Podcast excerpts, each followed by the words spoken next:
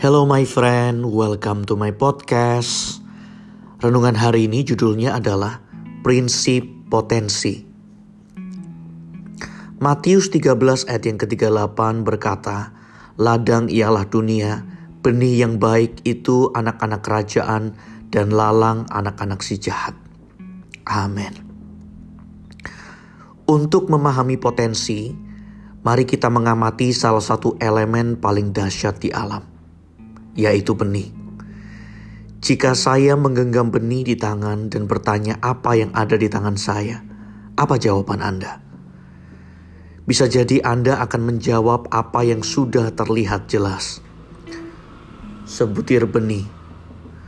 Namun kalau Anda memahami sifat alamiah benih, jawabannya tersebut menunjukkan fakta tetapi bukan kebenarannya. Kebenarannya adalah saya menggenggam sebuah hutan. Mengapa? Karena di dalam sebutir benih terdapat sebatang pohon dan juga terdapat buah-buahan atau bunga-bunga dengan banyak benih lagi di dalamnya. Benih-benih tersebut menyimpan sebatang pohon di dalamnya yang akan menghasilkan buah serta memiliki benih dan seterusnya.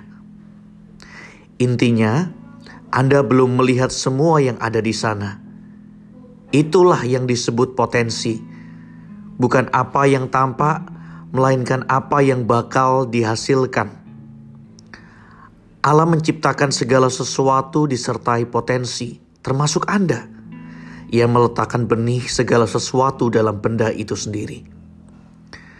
Di dalam setiap pribadi atau benda yang Tuhan ciptakan, Dia menempatkan kemampuan untuk berbuah jauh lebih dahsyat jadi, segala sesuatu dalam hidup ini memiliki potensi.